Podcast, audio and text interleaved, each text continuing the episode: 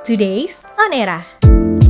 Halo Eramania, selamat datang kembali di Today's On Era bersama gue Alma. Eramania, tagar hashtag tangkap Edi Mulyadi dan hashtag Kalimantan bukan monyet sempat jadi trending topik di Twitter nih. Hal ini buntut dari viralnya ucapan Edi Mulyadi yang bilang kalau misalnya lokasi ibu kota Nusantara di Kalimantan merupakan tempat jin buang anak Hmm, gak cuma itu nih Ramania, ia juga bilang bahwa penghuni di sana hanyalah kuntil anak dan juga gendoruwo. Buset datu omongan ya, rahang enteng bener. Parahnya lagi nih, dalam video yang diunggah oleh akun Twitter @yradianto pada Minggu 23 Januari tersebut, ada sebuah cuplikan perkataan hanya monyet ketika Edi Mulyadi mempertanyakan siapa yang mau pindah nih dari Jakarta ke Kalimantan. Ya pantas aja lah ya warga Kalimantan pada marah. Omongannya itu itu loh ya Ramania. Terlepas dari kontroversi IKN, warganet yang bukan warga Kalimantan pun juga ikutan marah nih. Ya kali sampai disamain sama monyet, pasti pada marah lah.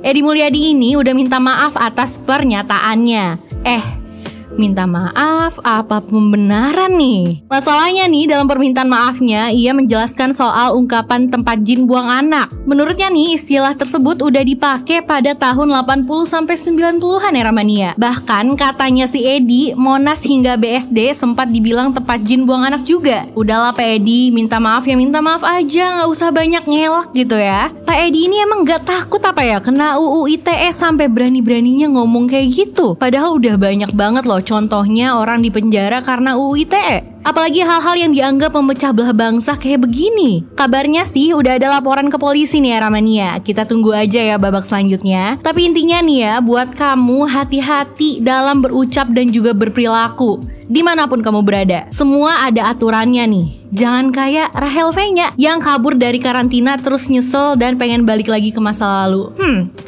Gimana ya udah telat deh Buna kayaknya. Tapi nggak semudah itu nih ya Ramania. Dalam unggahan terbaru di kanal YouTube-nya Rahel V-nya ngaku kena sanksi sosial yang begitu hebat dari masyarakat. Dari hujatan hingga perilaku kasar udah dia terima nih. Bahkan pas dia curhat masalah kesulitannya ini Warganet masih aja ngehujat Rahel V-nya.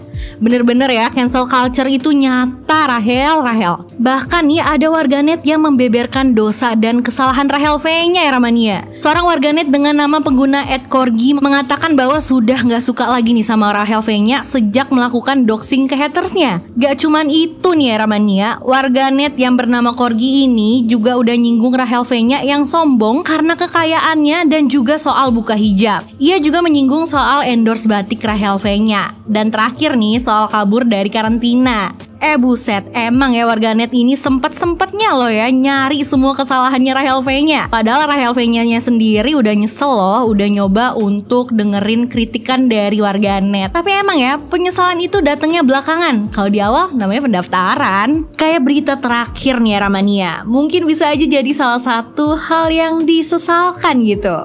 Eh, by the way, penyesalan atau kekesalan ya? Bisa jadi dua-duanya nih. Kok bisa ya? Masalahnya Malioboro Jogja bakal sepi nih dari pedagang kaki lima atau PKL. Padahal nih Malioboro dan PKL itu adalah satu kesatuan yang nggak bisa dipisahin era mania. Bahkan nih sampai dijadiin lagu sama Club Project. Nah ini kayaknya liriknya Club Project ini harus diganti nih ya karena PKL-nya udah nggak ada. Nah itu dia tadi bagian nyeselnya. Kira-kira bagian keselnya apa ya era mania? Tentu bagi para pedagang di sana pasti mereka kesel banget. Buat mereka nih kayak matiin rezeki. Apalagi mereka udah bertahun-tahun nih jadi PKL di sana. Meskipun katanya sih bakal dipindahin ke tempat khusus yang tetap berada di Malioboro ya Ramania. Hal ini terlihat dari unggahan Instagram Pemkot Yogyakarta yang menunjukkan foto-foto lokasi baru bagi PKL Malioboro. Hmm, kira-kira bakal kayak apa ya Malioboro tanpa adanya PKL nih?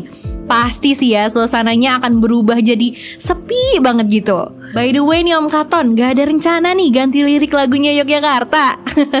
Oke, itu dia tadi berita-berita terbaru di tanggal 24 Januari 2022 ya Ramania. Berita pertama dibuka oleh kontroversi dari Edi Mulyadi nih ya Ramania yang menghina Kalimantan adalah tempat jin buang anak. Tuh mulut ya bener-bener. Dan berita selanjutnya nggak kalah hot nih kontroversinya. Seorang Rahel V-nya yang katanya sekarang udah mulai nerima endorsan nih. Dan berita yang terakhir adalah berita yang lumayan menyedihkan ya Ramania untuk lo mungkin yang suka banget ke Yogyakarta karena di Malioboro sekarang udah mau dihilangin nih pedagang kaki limanya atau PKL-nya. Aduh, bener-bener ya pasti sedih banget buat lo yang belum ke Jogja karena udah dihilangin nih PKL-nya. Tapi tenang aja Era Mania, Era tetap nemenin lo nggak bakal hilang ke mana-mana. Jadi misalnya lo mau tahu nih berita-berita terbaru, langsung aja nih main-main ke media sosialnya Era, era.id. Dari Soul for Today's on Era, bye-bye Era Mania. Eranya podcast. Now is the era.